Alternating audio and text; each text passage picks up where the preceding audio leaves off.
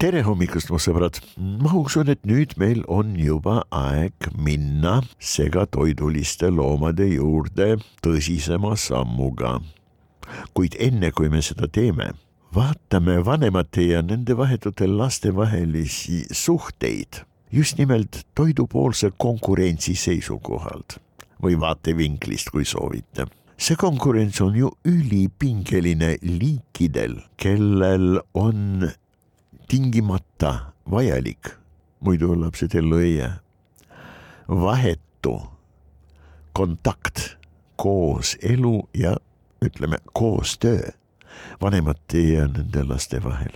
nüüd lubage, ma tuletan meelde kaks peamist loodusliku valiku suurt tüüpi ehk teisisõnu me võime vabalt seda öelda, kaks peamist konkurentsivormi, need on siis R ja K valikuvormid, no siis konkurentsivormid või tüübid. R valiku puhul loom loob korraga üüratult palju järglasi, korraga kümneid, sadu tuhandeid, miljoneid või rohkem no kui see on tursk, siis neid miljoneid marjati on kuskil mitukümmend või sadakond, lausa nii.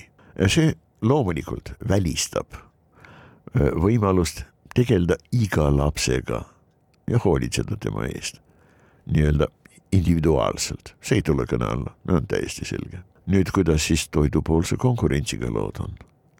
kui sul on korraga sada miljonit last aktiivselt sa neid toite ei saa. loomulikult sa loom, tursk, käitud väga vastutustundlikult, vanemlikult, kui sa leiad parajat paika, kus lastele toitu on väga palju ja see on madalik, kus ei ole tugevat hoovust, kus ei ole tugevat, ma ei tea, neid rannalaineid, mis löövad kõik segamini iga kahe, pooleteise sekundi järel, kus vesi on soe ja kus on väga palju hõljumid, taimne hõljum, väiksed vetikad, ainuraksed ja võib-olla natukene suuremadki ja loomulikult loomne hõljum, keriloomad, oma rusikesed ujuvad ja seal on naerjalalised vähid ja seal on vesikirbulised vähi, vähid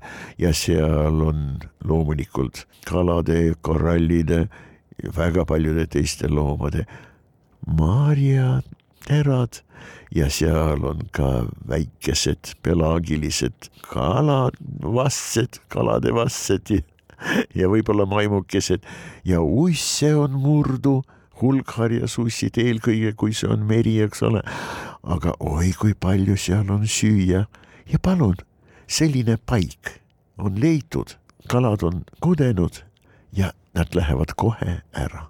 ei ole enam nende asi vaadata, mis seal lastest saab.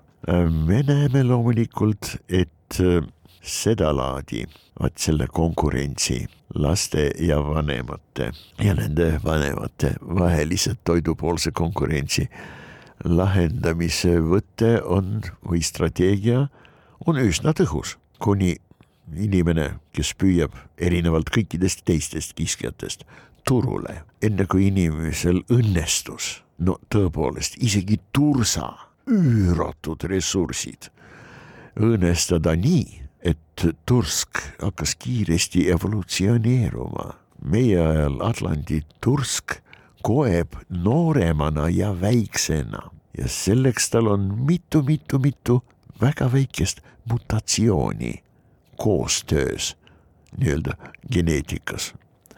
see on väga huvitav evolutsiooni seisukohalt, igal juhul, aga me sellest praegu ei räägi, eks ole. kuid fakt on väga tõsine inimene on mõjutanud noh, tursa evolutsiooni lihtsalt oma ülepüügiga, aga tursa ressurss, tursa arvukus oli ja tegelikult ka praegu on ikka tohutu suur, nii et see strateegia, R-strateegia töötab paljude liikide puhul, töötab ja töötab kenasti. see töötab paratamatult ainus, mis töötab nii-öelda ja töötab suhteliselt efektiivselt väga paljude obligaatsete parasiitide puhul laiuss. no kui teda mitte ajada, siis ta võib elada umbes kümme aastat inimese seedekulglas, soolestikus loomulikult maas teda ei ole. ja selle aja jooksul ta toodab umbes üheksa ja pool miljardit muna munad pääsevad väliskeskkonda, nendest tulevad ongosfäärid välja ja seal on vaheperemees, loomulikult mingisugune äärjalaline vähk, siis väike kala, kes sööb selle vähikese, saab parasiidivasse endale, siis tuleb suurem kala, sööb väikese ära uss elab edasi, see on järgmine peremees tal, siis tuleb haug ja sööb selle suurema kala ja sööb selliseid kalu palju ja haugi sees me võime leida plerotsarkoide, no tähendab inimest, karu, siga, hunti nakatamiseks täiesti valmis vormis, mitte väga suured, aga täiesti võimelised plerotsarkoidid. Just sellesama laiusi vastsed ja suurema haugi sees neid võib olla ootamas, millal haugi hakatakse ära sööma, eks ole, imetajate poolt. kakssada, kakssada viiskümmend. Ussipoega eks ole, ussilast, kuid üldiselt kõikidest nendest peaaegu kümnest miljardist munast lõpuks no ainult mõned jõuavad imetajatesse, reeglina üks koma võib-olla üks, aga võib-olla isegi vähem, üks kümnest miljardist. kas see on efektiivne? tal ei ole pääsu. ta on tsestood, obligaatne parasiit, ei saa teisiti levida, eks ole, ja teisiti elada. jätame ta sinna paika ja vaatame hoopis, kuidas toimub K-tüübi konkurents ehk valik. K-tüübi K-vormi valik, lapsi on korraga vähe võrreldes mainitud loomadega, kel, kes kuuluvad R-tüübi konkurentide liikide äh, hulka, siis K-tüüpi loomadel lapsi on väga vähe noh, päris inimene või linnud ja praktiliselt kõik linnud. Äh, roomajatega on natukene vahepealne see olukord. Neid me praegu ei puutu.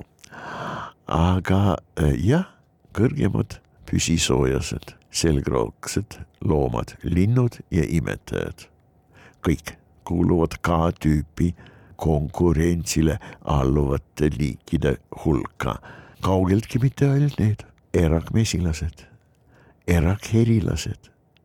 Nad toidavad lapsi lõpuni, seni kuni lapsed, vastsed nukustavad, alles siis ja ka siis muidugi on pesa kenasti pitseeritud ja, ja, ja korralikult, korralikult äh, väga turvaliselt äh, noh, nii-öelda hooldatud nii, et laps saab seal kenasti oodata, no ma ei tea, seal sügise saabumist, siis tuleb välja, peab pulma või siis kevadest.